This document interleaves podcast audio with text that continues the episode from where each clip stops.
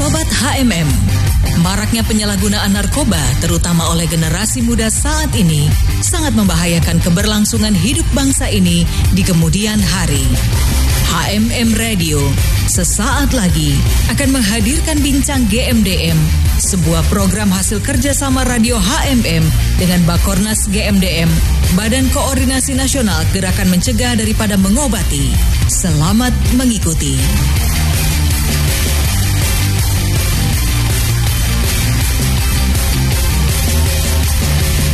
Disiarkan langsung dari kawasan Sentul, Indonesia, www.hmmdsradio.net, HMM Radio Praise and Worship in Unity.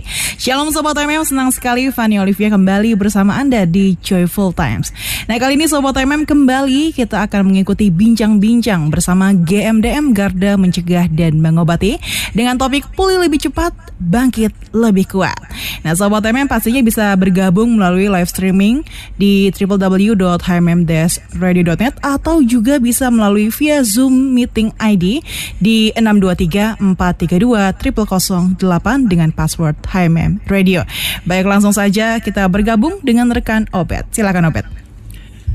Baik, terima kasih rekan Fani Olivia dan Shalom Sobat HMM di mana pun Anda berada. Senang sekali di kesempatan hari ini kita boleh berjumpa kembali melalui udara tentunya dan saya akan temani Anda dengan talk show GMDM Garda Mencegah dan Mengobati.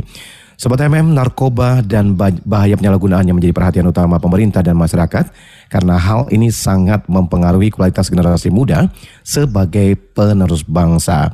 Nah, topik kita hari ini membahas tentang pulih lebih cepat, bangkit lebih kuat.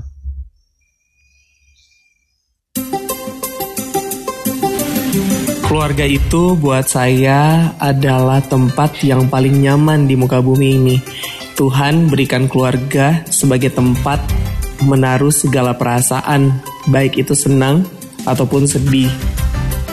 Tempat untuk meluangkan segala rasa. Keluarga adalah lembaga terkecil yang Tuhan bentuk atau ciptakan. Keluarga itu bukan hanya sekedar sekumpulan orang yang memiliki ikatan darah dengan kita, tetapi keluarga itu adalah rumah di mana kita bisa berpulang ketika kita lagi di low position in life keluarga itu bisa jadi healing pills bisa jadi penyembuh bisa jadi obat waktu kita lagi uh, ngehadapin semua hal-hal yang nggak baik yang terjadi di dalam hidup kita. Keluarga menurutku adalah suatu ruang atau tempat di mana bisa bebas melakukan apa pun atau berekspresi seperti apa tanpa adanya diskriminasi atau judgement terhadap kita. Dan bisa jadi pilihan sandaran ketika berada di titik terlemah kita dari hiruk pikuk dunia luar gitu dengan cukup berada di tengah mereka itu udah berikan ketenangan dan kenyamanan.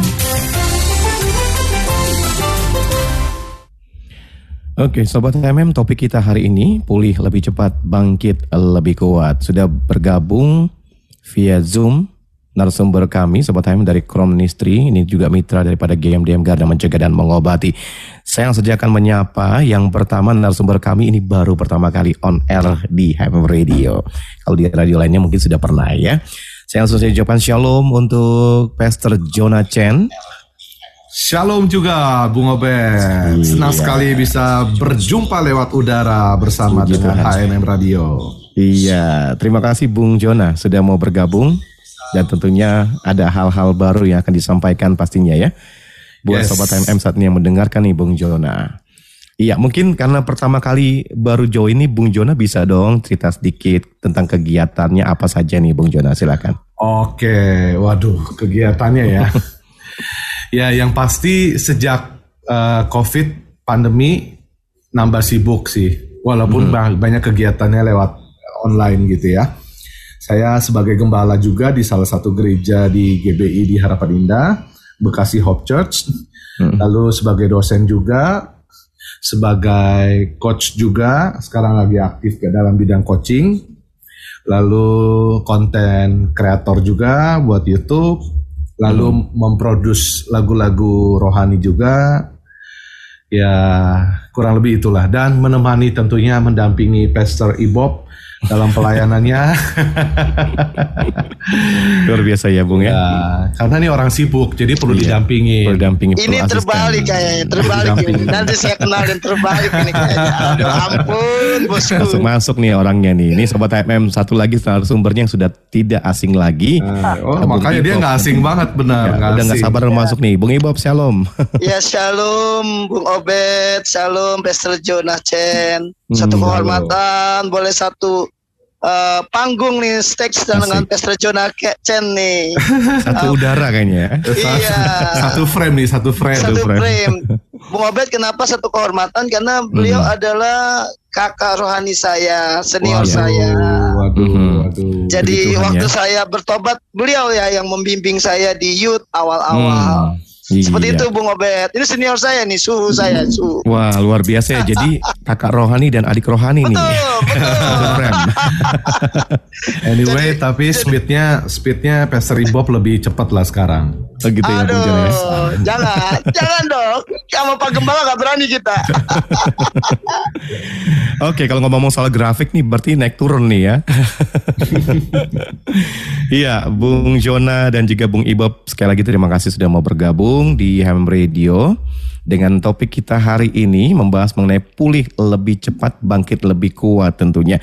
Dan tentunya tema ini pas banget ya. Tadi karena Bung Ibob sempat sebutkan nih Bung Jona kakak rohaninya, waktu Bung Ibob pertama kali bertobat, Bung Jona yang menuntun dan lain sebagainya. Nah, mungkin Bung Jona ini punya pengalaman tersendiri ini. Bagaimana nih coba bisa ceritakan bagaimana caranya agar bisa menuntun seseorang itu mungkin yang tadinya hidup dalam kehidupan yang jauh pada Tuhan, tapi akhirnya bisa diubahkan, pulih dan Wow. hidup sungguh-sungguh dengan Tuhan. Silakan Bung Jona. Nih pertanyaannya gampang-gampang susah nih. ya, yang pasti sih dalam prinsip hidup saya adalah kenalkan Tuhan kepada pribadi yang lain. Mhm. Artinya kita sudah mengenal Kristus dan selanjutnya adalah kita harus memperkenalkan Kristus kepada yang lain. Ya. Nah, ketika kita memperkenalkan Tuhan kepada yang lain, maka orang lain itu pasti akan bisa diubahkan seperti kita sudah diubahkan oleh Tuhan.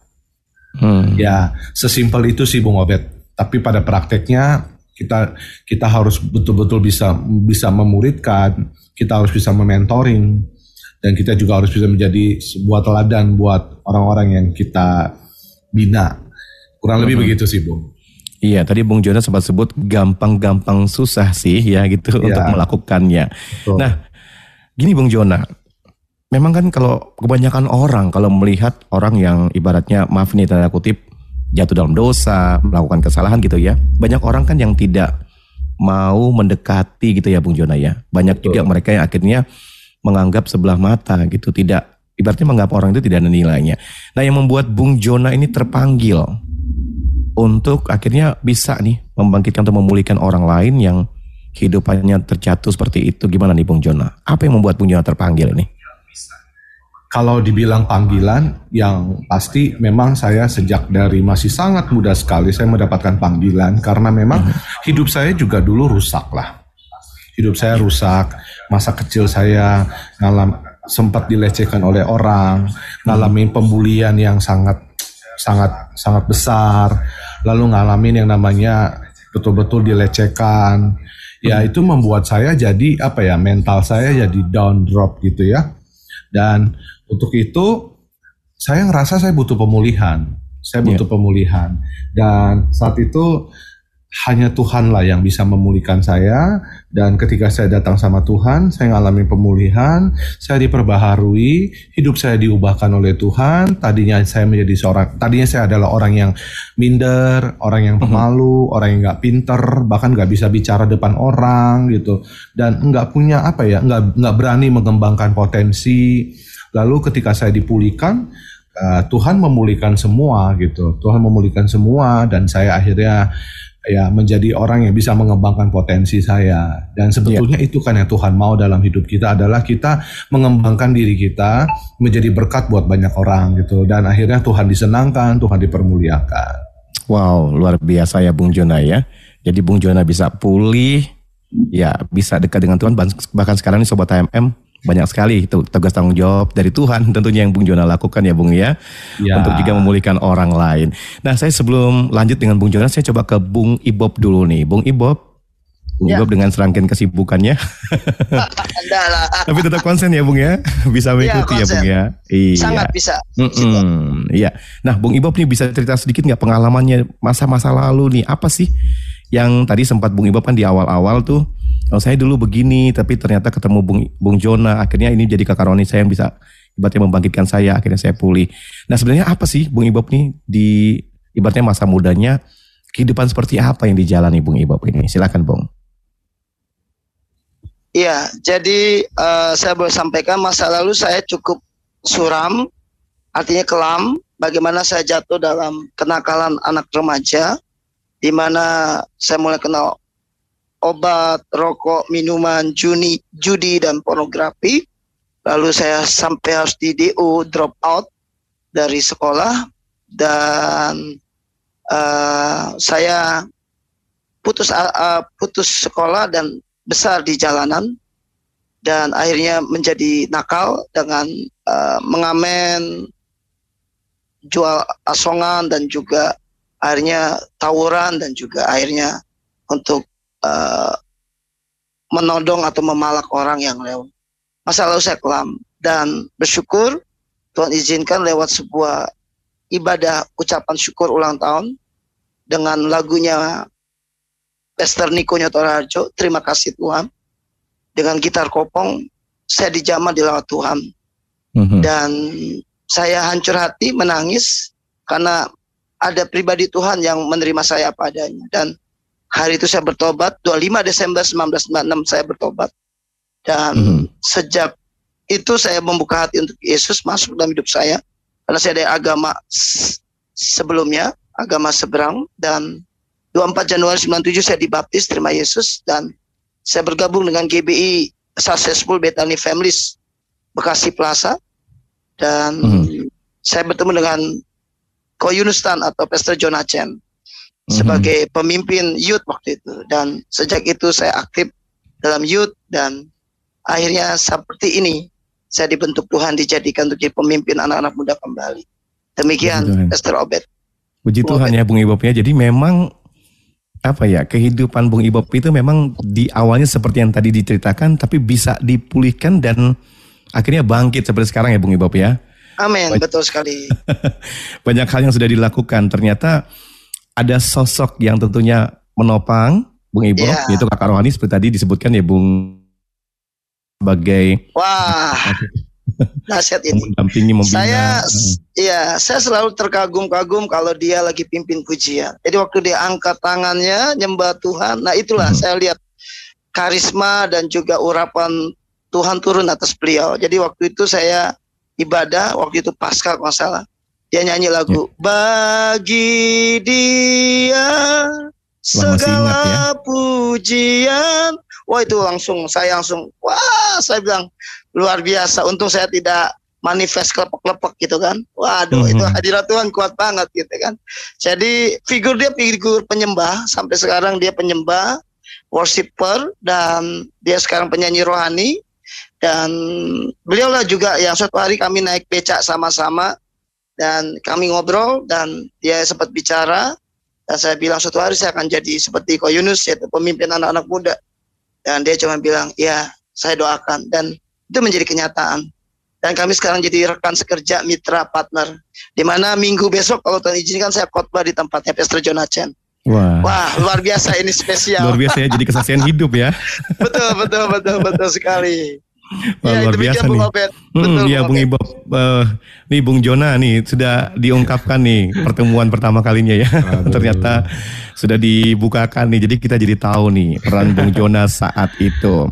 Nah, tentunya Bung Jona juga saat mengalami pemulihan eh, tidak lepas dari orang-orang juga sebelumnya. Mungkin ada kakak-kakak rohani Ya. yang sempat juga mensupport akhirnya memulihkan dan membangkitkan Bung Jona.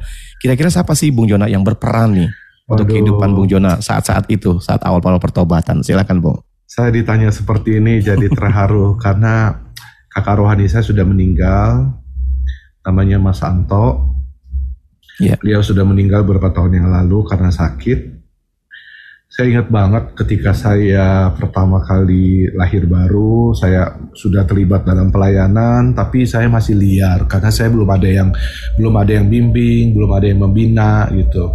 Lalu ketemulah saya dengan seorang figur ini namanya Mas Anto, padahal dia bukan satu gereja dengan saya, dia gereja yang lain, tapi dia betul-betul membimbing saya seperti seorang bapak membimbing anaknya yang masih kecil, yang masih bayi gitu.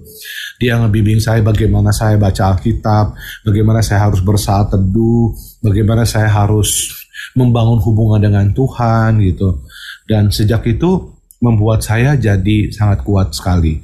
Dan akhirnya saya juga aktif di youth dan dan puji Tuhan waktu di youth juga ketemulah dengan dulu dulu kita panggilnya Kak Peter sama Kak Christine lalu hmm. ketemulah dengan akhirnya dengan Mas Wiryo Hadi gitu dan kita saya secara pribadi waktu itu kan karena jadi pemimpin youth dimuridkanlah sama beliau gitu dan semua itu sampai hari ini itu membekas membekas dalam artian saya sadar bahwa saya sudah dimuridkan oleh figur-figur yang memang uh, buat saya mereka itu adalah pemimpin-pemimpin rohani, kakak-kakak rohani yang telah membimbing saya terlebih dahulu sebelum saya bisa ada sebagaimana saya ada sekarang. Begitu, Bung. Hmm. Jadi memang kita bisa hari ini ada tentunya pada saat kita bertemu dengan orang-orang yang tepat ya Bung Jona ya. Begitulah. Bung Jona, uh, kehidupan Bung Jona yang diubahkan karena bertemu dengan kakak-kakak rohani yang tepat dan mereka akhirnya membawa Bung Jona untuk hidup dekat dengan Tuhan dan akhirnya sampai hari ini. Bukan kebetulan juga ketemu tadi apa Kak Santo. Orangnya sudah tiada tapi yeah. ya ibaratnya hasilnya sampai hari ini. Nah, menurut Bung Jona sendiri ini sejauh mana sih pentingnya ada seorang pembina atau kakak rohani atau pemimpin untuk membawa seseorang itu bisa hidupnya pulih gitu Bung Jona. Buat saya penting karena kan seperti amanat agung dalam Matius 28 yang sudah kita sangat familiar bahwa Tuhan panggil kita pergi jadikan semua bangsa muridku. Jadi Tuhan panggil kita nih untuk menjadikan semua orang murid. Jadi hmm. artinya kita punya tanggung jawab untuk mendisciples, memuridkan orang. Nah, itu sebetulnya sebuah tanggung jawab. Kenapa kenapa di Alkitab dituliskan kata pergi dan jadikan semua bangsa murid. Kenapa kata murid itu digunakan oleh Alkitab? Karena murid itu belajar. Murid itu namanya murid itu adalah belajar dari yang tidak tahu jadi tahu, dari yang tidak mengerti jadi mengerti, dari yang dari yang nggak bisa jalan jadi tahu jalan, dari yang yeah. dari yang masih meraba-raba jadi makin jelas. Karena apa? Karena ada seorang pembina, ada seorang pembimbing yang kita sebut dengan guru gitu. Dan itu hmm. itu buat saya sangat penting. Sekarang saya juga jadi dosen. Saya juga ngajar. Buat saya bukan hanya sekedar materi pengajaran yang bisa saya transfer ke ke mahasiswa-mahasiswa saya, tapi saya ingin mereka juga bisa meneladani hidup yang sudah saya lakukan, hidup yang pernah saya jalanin sehingga mereka nggak hanya sekedar mendapatkan pengetahuan, tapi lebih daripada itu mereka mendapatkan sebuah keteladanan mereka sehari-hari di kemudian hari. Mm-hmm. Begitu, Bung. Iya, jadi memang sangat penting peran daripada seorang kakak rohani, seorang pemimpin gitu ya Bung Jono ya. Sangat untuk sangat. mengedukasi, memberikan uh, suatu pengetahuan kebenaran tentang Tuhan tentunya. Betul, betul sekali Bung. Nah, Bung Jona, ini kan kita berbicara mengenai GMDM yang juga mereka terlibat dengan uh, pergerakan untuk yeah. ibaratnya membebaskan anak-anak yeah. muda dalam ya. penyalahgunaan yeah. narkoba. Yeah. Nah, untuk Bung Jona sendiri nih, bagaimana Bung uh, peran Bung Jona nih, ibaratnya untuk masuk ke anak-anak, ibaratnya anak-anak muda yang terlibat dengan narkoba sendiri. Bagaimana cara Bung Jona untuk ibaratnya memulihkan mereka, membuat mereka bangkit lagi. Karena kan kalau orang yang sudah terlibat narkoba ini biasanya sudah jadi orang yang malas atau hmm. mereka juga merasa tidak punya masa depan nih, Bung. Iya. Silakan Bung Jona. Iya, Uh, sesuai dengan tema kita pada hari ini, pulih lebih cepat, bangkit lebih kuat. Sebetulnya tema ini adalah uh, hashtagnya kemerdekaan bangsa kita Betul. yang ke-77 ya. Tapi ya. ini juga sebetulnya sebuah hashtag yang sangat alkitabiah karena memang hmm. dalam Yesaya pasal 60 dan 61 uh, membagikan kepada kita tentang bahwa bagaimana kita ini harus bangkit dan menjadi terang. Dan di 61 di Yesaya 61 Tuhan menyatakan bahwa kita ini uh, uh, telah diutus untuk menyampaikan kabar baik kepada siapa? Kepada orang-orang yang sengsara dan merawat orang-orang yang remuk hati. Jadi memang kita yang sudah dipulihkan punya tanggung jawab mm -hmm. untuk memulihkan orang lain. Nah, kalau ditanya bagaimana cara saya bisa menjangkau atau uh, memulihkan orang-orang yang ter, ter, terkena narkoba, seperti tadi saya di awal sudah jelaskan bahwa pertama kali yang saya harus kenalkan ke mereka adalah pribadi Tuhan yang bisa menerima dia apa adanya. Yang kedua hmm. adalah tentunya saya sebagai seorang yang membina, saya harus menerima dia apa adanya. Karena rata-rata pecandu narkoba itu hidupnya mereka merasa ditolak. Mereka merasa hidupnya itu nggak diterima. Kebanyakan hmm. mostly seperti itu.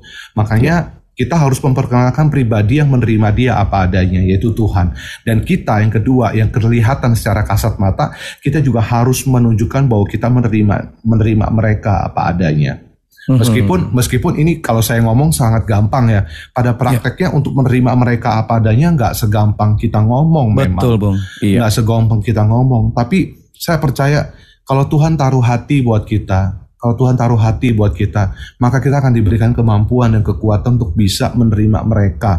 Meskipun uh-huh. sering kali mereka bersikap apa ya sama kita, bersikap kurang ajar sama kita, bersikap yeah. sepertinya tidak bisa membalas kebaikan kita gitu, bersikap Betul. sepertinya cuek dengan kita. Tapi kan kita ketika melakukan sebuah sebuah sebuah kebaikan, kita nggak mengharapkan harus harus feedbacknya itu harus kembali kita berbuat baik. Saya percaya. Uh-huh Tuhan tahu kok bagaimana caranya memberikan upah kepada kita gitu. Yeah. Yang penting adalah kita lakukan bagian kita dan kita lihat Tuhan yang akan mengerjakan sisanya buat kita. Iya, yeah, iya. Yeah.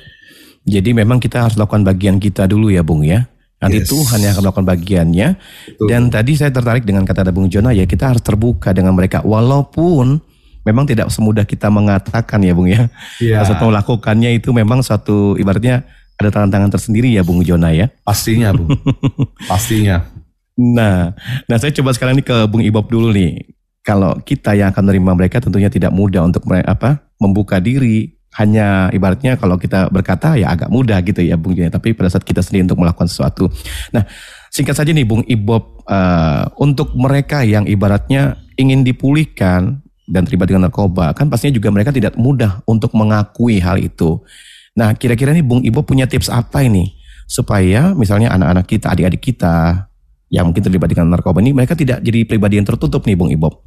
Tapi yeah. akhirnya mereka bisa mengakuinya. Yes. Tipsnya apa nih Bung. Ibo? Silakan. Paling utama adalah memang kita menjadi teman dan sahabat bagi mereka. Kita hmm. bisa masuk ke mereka. Mereka bisa menerima keberadaan kita dan mereka tidak menolak kita. Karena sering kali mereka curiga sama orang lain, orang yang mereka baru kenal. Jadi mereka akan tertutup Nah, ketika mereka tertutup, maka kita nggak dapat apa-apa. Caranya adalah memang jelas pertama kita harus doa buat mereka. Yang kedua adalah kita betul-betul tulus murni hati kita masuk ke mereka. Dan yang ketiga adalah memang kita harus memakai cara itu hanya itu punya belas kasihan uh, untuk melayani mereka. Jadi ketika tadi doa dan ketulusan dan juga belas kasihan yang keempat adalah hikmat bagaimana kita bisa masuk minta hikmat Tuhan untuk bisa masuk ke mereka ada satu cara untuk bisa masuk ke mereka sehingga empat hal ini pintu itu akan terbuka jadi ya memang kalau pengkhotbah begini sistematis pasti ada empat hmm. hal langsung ya to the point ya Bung Jadi coba, memang coba semakin... coba dijelaskan satu demi satu. Hmm. Empat hal ini kayaknya menarik nih. Kita lagi nungguin nih Bung Ibob. Tapi karena Bung Ibob isi dengan ketawa.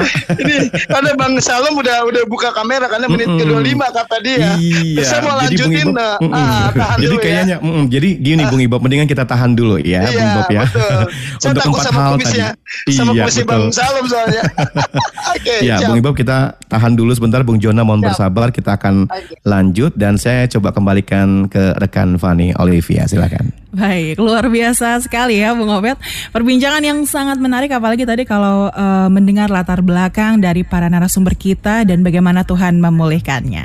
Nah sebelum kita lanjut lagi, Fani ingin menyapa terlebih dahulu buat Sobat MM yang mendengarkan melalui live streaming. Ada di Singapura, di Rusia, juga tidak ketinggalan di Indonesia. Ada di Jakarta, Bogor, Tangerang, Madiun, Yogyakarta dan juga di Malang. Baik, Sobat MM kita akan bergabung kembali nanti dengan uh, Bung Obet pastinya, tapi setelah lagu yang berikut ini.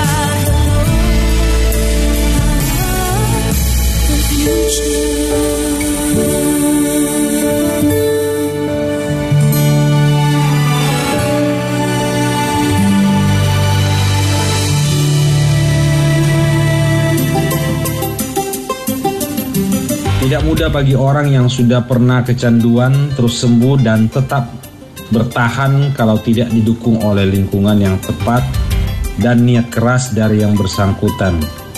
Kemungkinan untuk relap kembali sangat besar. Karena faktor pergaulan dan lingkungan dan kemauan dari orang itu sendiri.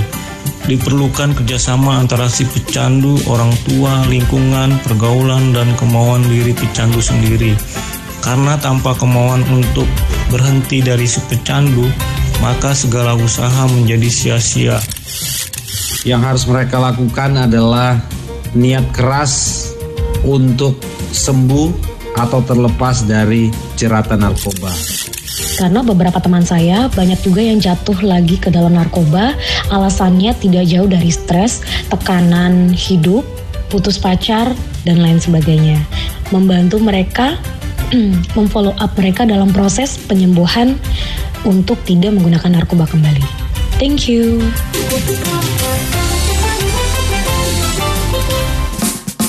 Sobat HMM, di bulan September ini adalah hari ulang tahun HMM Radio yang ke-10.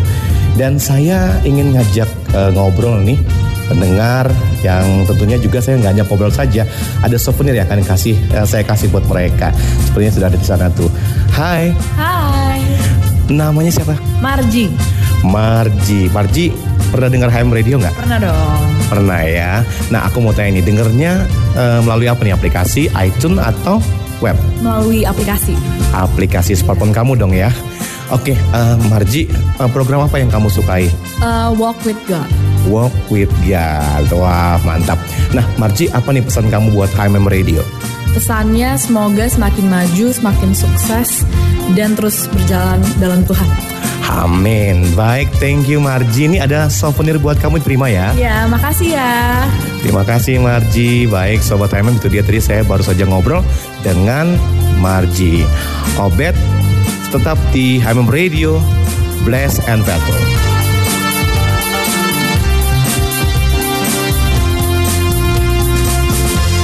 www.hmm-radio.net HMM Radio Praise and Worship in Unity. Sobat HMM kembali kita bergabung di Bincang-Bincang Game DM Garda Mencegah dan Mengobati dengan topik yang luar biasa Pulih lebih cepat, bangkit lebih kuat.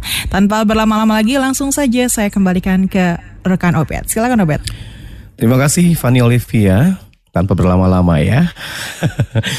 Oke, sobat TMM, tadi kita sudah sempat dengar penjelasan Bung Jona, ya kan? Kemudian juga Bung Ibob tadi ada janjinya tuh, mau menjelaskan apa tadi? Empat topik, empat tips tadi ya.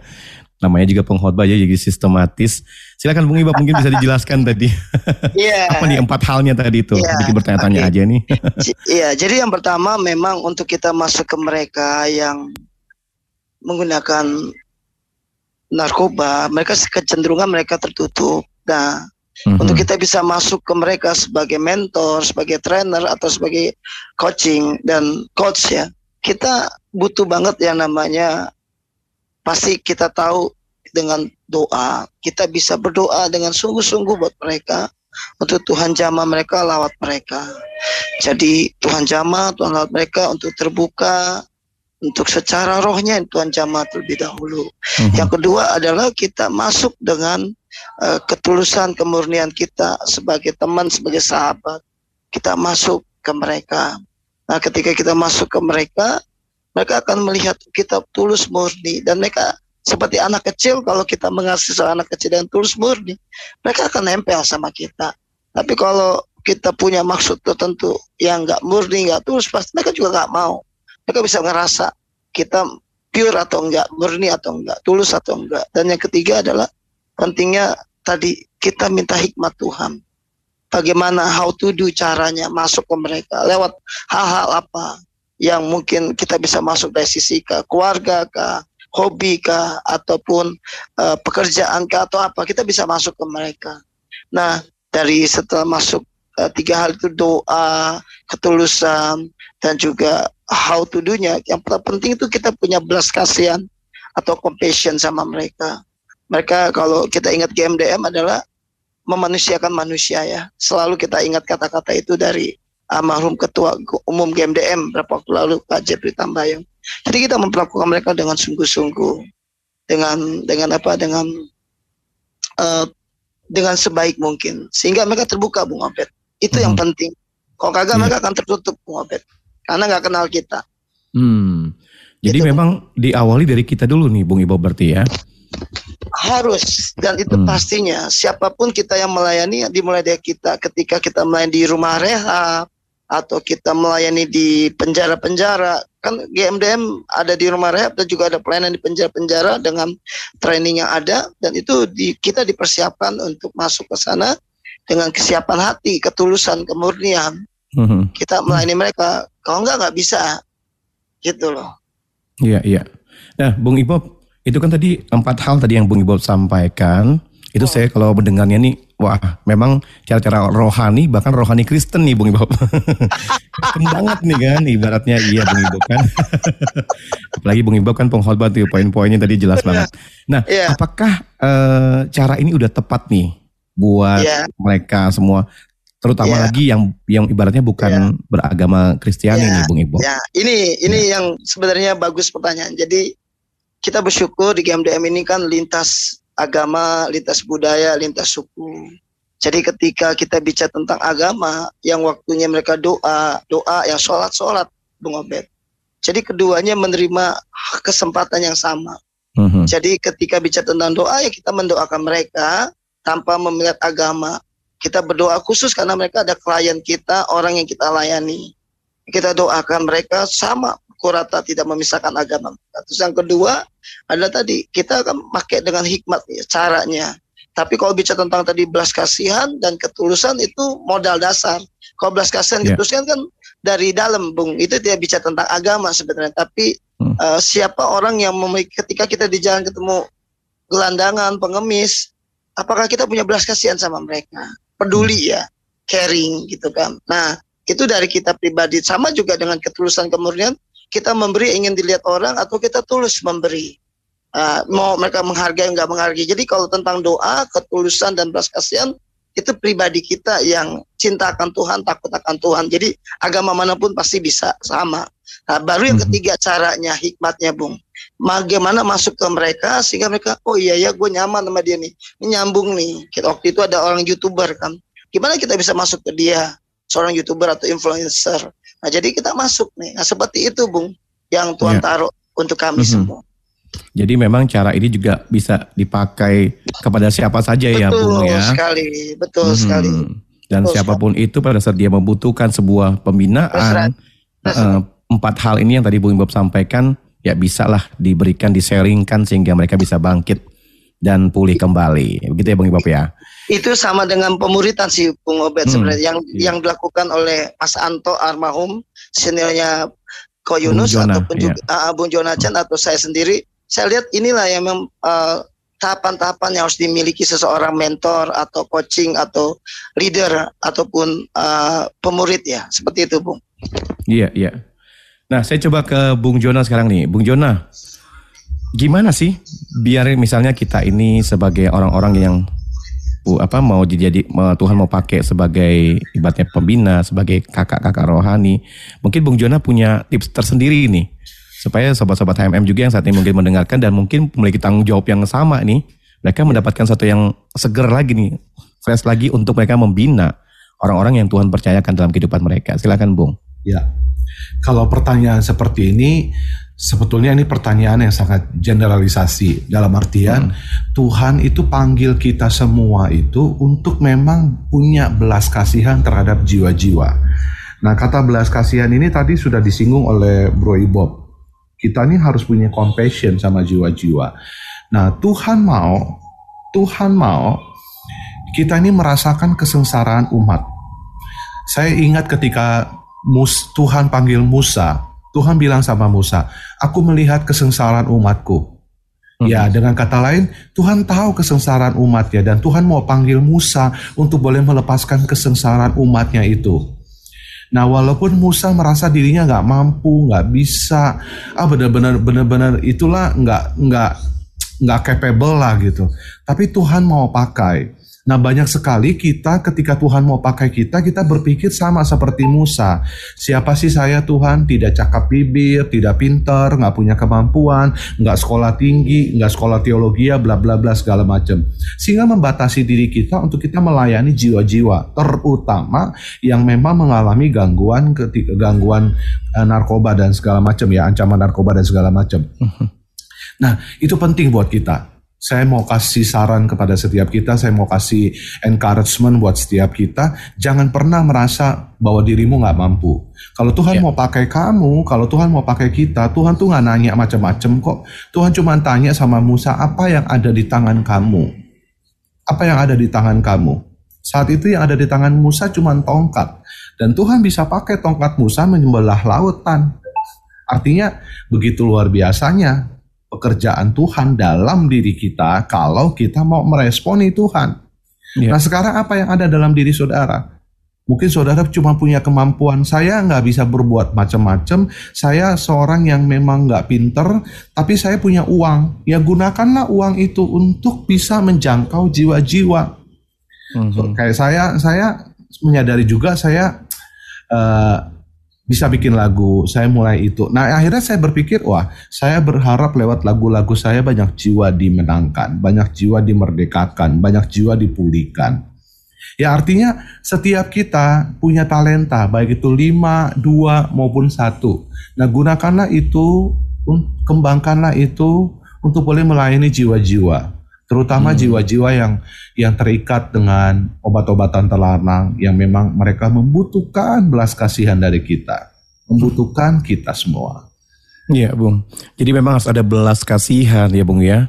Betul. Kemudian saat itulah kita mau ibaratnya menerima mereka apa adanya dan berusaha untuk memulihkan mereka seperti tadi uh, Bung Jonah juga sempat uh, kutip kisah Musa ya sebenarnya Tuhan mau pakai Musa tapi kadang-kadang ya begitu ya. Ya sama dengan kita juga Bung ya.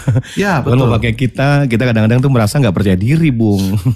Betul, betul. Bisa nggak ya gitu ya. betul. ya. Padahal sebenarnya Tuhan sudah uh, pilih, berarti Tuhan akan mampukan gitu kira-kira ya Bung Jona ya. Amin. Nah, betul, betul. Bung Jona ini, ini kan uh, untuk uh, masalah narkoba ini, uh, terkadang-kadang uh, kita sering mendengar mereka yang sudah direhab, mereka yang sudah kita lihat pulih, bahkan mau bangkit. Nah tiba-tiba mereka jatuh lagi nih. Kalau yeah. bahasa ininya relab lah Bung. Iya, iya. Nah, kira-kira bagaimana nih kita sebagai yang membina mereka, apa langkah yang kita harus lakukan Bung? Supaya mereka ya. ini tidak langsung merasa terbuang gitu Bung, karena jatuhnya berulang kali nih. Iya, iya. Ya. Sesuai dengan pulih lebih cepat, lebih cepat bangkit, bangkit lebih, lebih kuat. kuat. Hmm. Jadi sebetulnya yang pertama kali kalau kita melihat orang yang memang jatuh lagi dan jatuh lagi, kita jangan pernah kasih label atau kita jangan pernah menghakimi. Artinya orang yang seperti itu adalah dia butuh penerimaan. Dia butuh hmm. penerimaan dari setiap kita, terutama kita-kita yang memang dianggap lebih rohani, dianggap lebih dewasa, mereka butuh penerimaan dari kita. Dan setelah kita menerima mereka, kita langsung terus bimbing mereka, bina mereka. Yang paling penting adalah ingatkan mereka bahwa Tuhan terima mereka bawa mereka untuk bisa betul-betul embrace dengan Tuhan, mendekat mm -hmm. sama Tuhan. Karena itu yang paling penting yang menyebabkan orang itu nggak akan jatuh lagi. Ketika dia yeah. sayang sama Tuhan, dia akan mikir ketika dia mau berbuat dosa. Dia akan mikir ketika dia mau buat sesuatu yang sia-sia. Aduh saya sayang sama Tuhan, saya nggak mau ngecewain Tuhan. Pasti dia akan berpikir ke arah situ. Tapi kalau dia belum sampai berpikir ke arah situ, kitalah yang harus terus menerus hmm. membimbing mereka. Seringkali, yeah. sering kali kita, sering kali kita terkonsep dengan metode-metode cara pemulihan yang A sampai Z, cara begini sampai cara begitu gitu. Kita yeah. sering kali terpatok dengan hal itu. Sebetulnya yang paling penting adalah bahwa mereka kenal Tuhan, bahwa mereka berjumpa dengan Tuhan. Hmm. Saya melihat saya membaca Alkitab, semua nabi-nabi yang mereka berjumpa dengan Tuhan, itu semuanya membuat hidup mereka tuh jadi maksimal di dalam Tuhan. Meskipun ya, dalam perjalanannya mereka juga ngalamin yang namanya lemah ya. Mereka ngalamin yang namanya down gitu tapi karena mereka berjumpa dengan Tuhan itu membuat mereka gampang untuk bangkit. Gampang untuk bisa bisa artinya bisa menyadari bahwa mereka ini salah gitu loh Hmm. Tapi kalau orang-orang narkoba, kita mereka jatuh lagi, kita sudah tidak terima mereka, kita sudah melabel mereka. Itu buat mereka makin jatuh. Yeah. Makin jatuh. Makin jatuh jauh. Kita nggak ya, usah.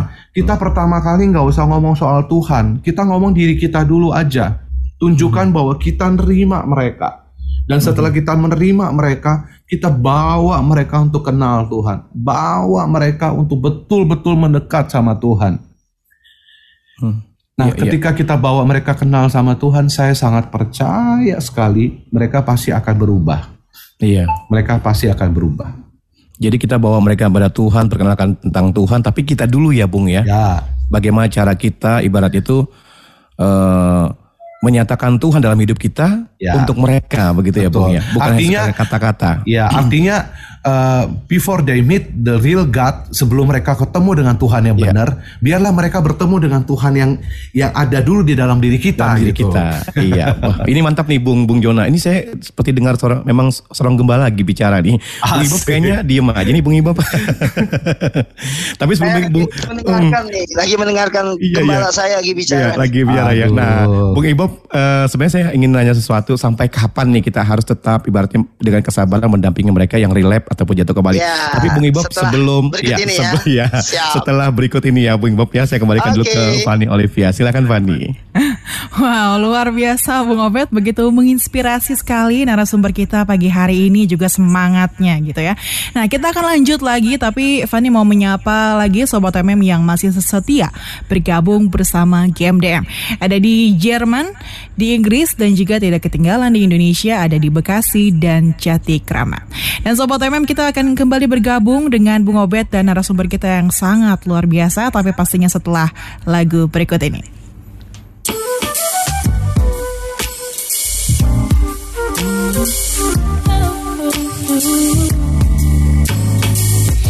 I know I'm not alone.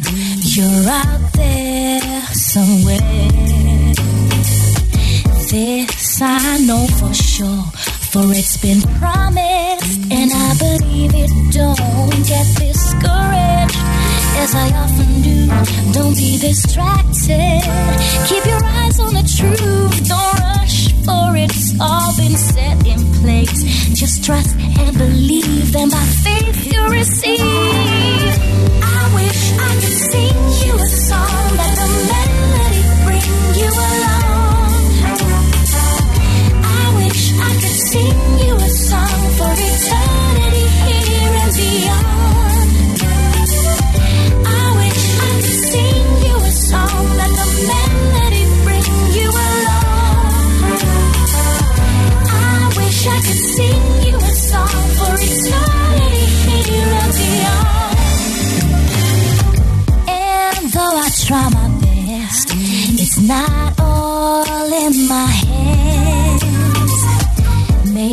I'll pass the test if it's written in the master plan. Don't get discouraged, as I often do. Don't be distracted.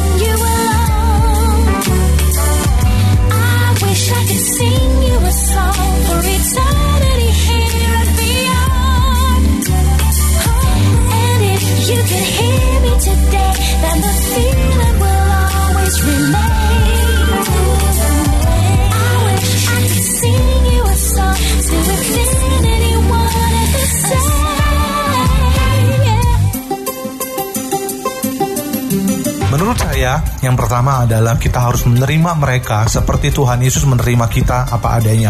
Karena penerimaan itulah yang membuat dia mer- merasa bahwa dirinya itu berharga. Dan yang kedua, setelah kita menerima dia, kita harus bergaul. Kalau bisa kita mementoring, kita jadikan mereka murid supaya mereka tidak terhilang dari eh, penjangkauan kita untuk membawa mereka kembali kepada Tuhan. Dan yang paling terakhir adalah jangan pernah menghakimi mereka, tapi terus arahkan mereka. Kalau bisa kita mendorong mereka untuk mengembangkan potensi mereka yang mereka miliki. Yang harus dilakukan untuk menyelamatkan generasi adalah mulai dari lingkungan keluarga, peran orang tua, didikan, arahan, serta nilai-nilai yang harus ditanamkan sejak kecil itu harus benar-benar menjadi hal yang penting untuk menyelamatkan generasi berikutnya. Supaya setelah mereka besar generasi muda adalah generasi yang uh, bersemangat generasi kreatif bisa menyalurkan hal-hal yang positif untuk uh, lingkungannya. Yang ketiga adalah pergaulan. Pergaulan itu penting karena pergaulan yang buruk merusak kebiasaan yang baik jadi untuk menyelamatkan generasi ini sangat diperhatikan untuk dengan siapa kita bergaul, apa yang kita lakukan.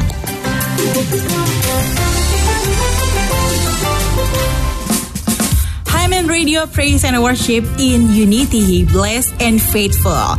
Sobat MM saat ini Fani sudah bersama salah satu pendengar setia dari HMM Radio. Langsung aja kita sapa ya. Shalom. Shalom. Namanya siapa? Nama aku Mika. Oke. Mika suka denger HMM Radio ya? Pastinya, Bang. Wah, luar biasa. Suka denger via apa nih, Mika? Aplikasi di handphone. Wah, aplikasi ya. Kalau gitu aku mau tanya dong, program favoritnya apa? Walk with God. Oh, Walk with God Ya. untuk menemani sore hari ya. Iya, betul lagi lelahnya capek dari kantor. Oh, ya puji kan? Tuhan. Oke. Nah, Mika kan HMM Radio lagi ulang tahun yang ke-10 nih. Oh. Boleh dong minta pesannya apa buat HMM Radio? Pasti happy birthday buat HMM Radio. Terus kiranya Tuhan terus pakai untuk eh, perpanjangan tangan Tuhan untuk memberkati banyak orang. God bless you. Amin. Thank you banget Mika. Dan ini ya ada bingkisan dari HMM Radio. Thank you. Oke, Sobat HMM seneng banget barusan bisa ngobrol dengan Mika, salah satu pendengar setia dari HMM Radio. Saya Fanny Olivia, stay tune di HMM Radio, Blaze and Faithful. www.himmradio.net HMM Radio Praise and Worship in Unity. Sobat HMM kembali kita dalam bincang game DM Garda Mencegah dan Mengobati dengan topik pulih lebih cepat, bangkit lebih kuat. Langsung saja kita bergabung dengan rekan Obet. Siap Fanny Olivia, kita sudah berada di penghujung talk show kita dengan GMDM Garda Mencegah dan Mengobati bersama Bung Jona dan juga Bung Ibob. Nah Bung Ibob nih saya kasih waktu sejenak nih, beberapa menit nih untuk menyampaikan nih kalau misalnya mereka relap lagi atau jatuh lagi dengan hal yang sama, orang yang sama lagi Bung Ibob, apa yang harus dilakukan? Silakan Bung.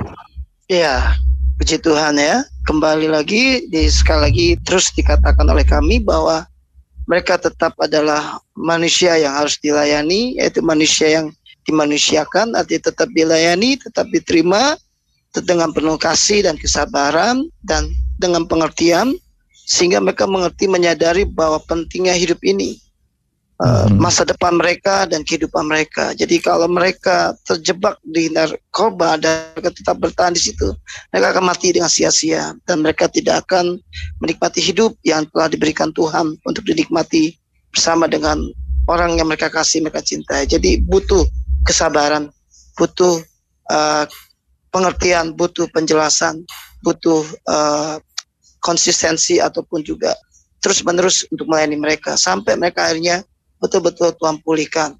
Memang eh, kata itu never stop, never give up itu ada di GMDM. Demikian Bung Obed. Iya.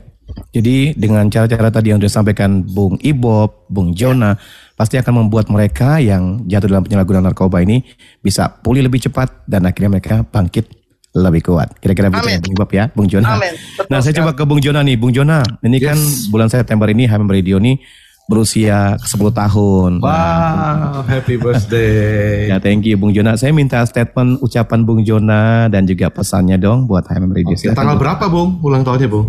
Kemarin tanggal eh, 12 September. Oke. Iya, silakan Bulan- Bung Jona. Bulan September ini juga bulan ulang tahun saya nih. Oh gitu, sama ya? Apa? Sama dong. Sama tanggalnya. iya, buat HMM Radio yang pastinya happy blessed birthday.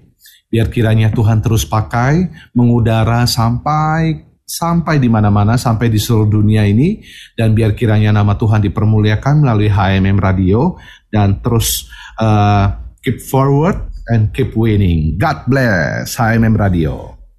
Amin. Thank you, Bung Jona. Nah, saya sekarang ke Bung Ibob nih. Bung Ibob, silahkan Bung sampaikan statementnya, ucapan untuk HMM juga dalam setiap Iya. kami. Silahkan Bung. Happy anniversary, blessed and faithful yang ke-10 untuk HMM Radio. Makin bersinar, makin menjadi berkat bagi banyak orang lewat siaran demi siaran yang ada. Dan banyak orang boleh dipulihkan dan diubahkan lewat kebenaran firman Tuhan yang disampaikan. Sekali mengudara, tetap mengudara. God bless HMM. Haleluya. Ya, thank you Bung Ibob. Ucapannya sangat menggegar nih Bung Ibob dan juga Bung Jona. nah Bung Jona satu pesan singkatnya nih buat Sobat HMM yang saat ini sedang mendengarkan supaya mereka juga menjadi bagian untuk bisa memulihkan orang lebih cepat dan juga membuat orang bangkit lebih kuat. Silakan Bung Jona. Baik, saya memberikan uh, pesan ini buat buat pribadi-pribadi yang sedang mengalami atau sedang terikat atau mungkin sedang jatuh ke dalam narkoba saya mau bilang ada satu pribadi yang sangat menyayangi kalian yaitu Tuhan yang senantiasa membuka tangannya untuk menerima kalian apa adanya.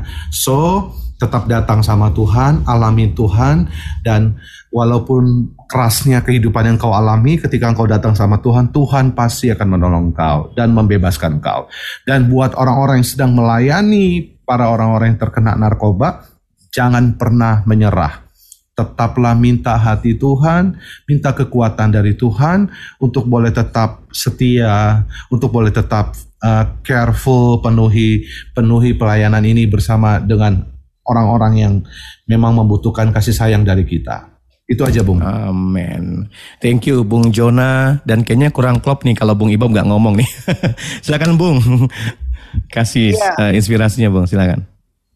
Hidup ini adalah pilihan dan kepilih-pilihan yang kita ambil itu menentukan masa depan kita. Bila kita terus berjalan dengan hikmat dan kasih daripada Tuhan, tetap ikut jalan-jalannya Tuhan, maka kita akan menerima semua kebaikan dan janji Tuhan. Tuhan Yesus memberkati.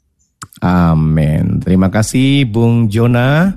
Terima kasih Bung Ibob buat waktunya sudah mengedukasi Sobat HMM dan juga tentunya memotivasi dan menginspirasi buat semua pendengar kami saat ini sehingga mereka juga boleh memiliki apa ya kemampuan untuk sama-sama bisa membuat orang lain juga bisa pulih dan yes. juga bangkit bahkan mereka yang mungkin rindu untuk pulih mereka bisa ada motivasi tentunya yang saat ini kita dengarkan sama-sama membangkitkan mereka untuk menjadi pribadi yang lebih kuat dan mereka pun akhirnya sadar bahwa mereka adalah pribadi yang berharga di hadapan Tuhan. Sekali lagi terima kasih Bung Jona, Bung Ibob, Jangan yes. bosan-bosan ngobrol ya di Ham Radio. Haleluya. Pengen ngobrol lebih lebih jauh tapi waktu membatasi kita. Yes. Jadi mohon maaf nih kita akan akhiri di sini. Okay. Dan Sobat Ham Anda telah mengikuti perbincangan dengan GMDM Garda mencegah dan mengobati dengan topik pulih lebih cepat, bangkit lebih kuat. Informasi tentang GMDM dapat menghubungi di 021 866 15552. 021 866 15552.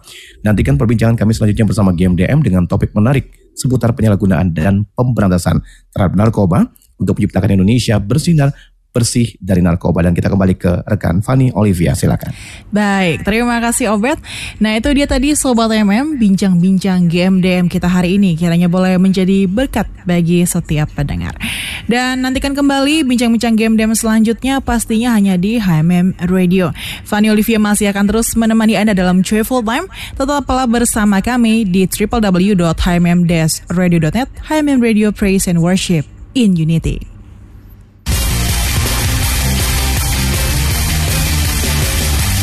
Sobat HMM, Anda baru saja mengikuti Bincang GMDM, sebuah program hasil kerjasama Radio HMM dengan Bakornas GMDM, Badan Koordinasi Nasional Gerakan Mencegah Daripada Mengobati.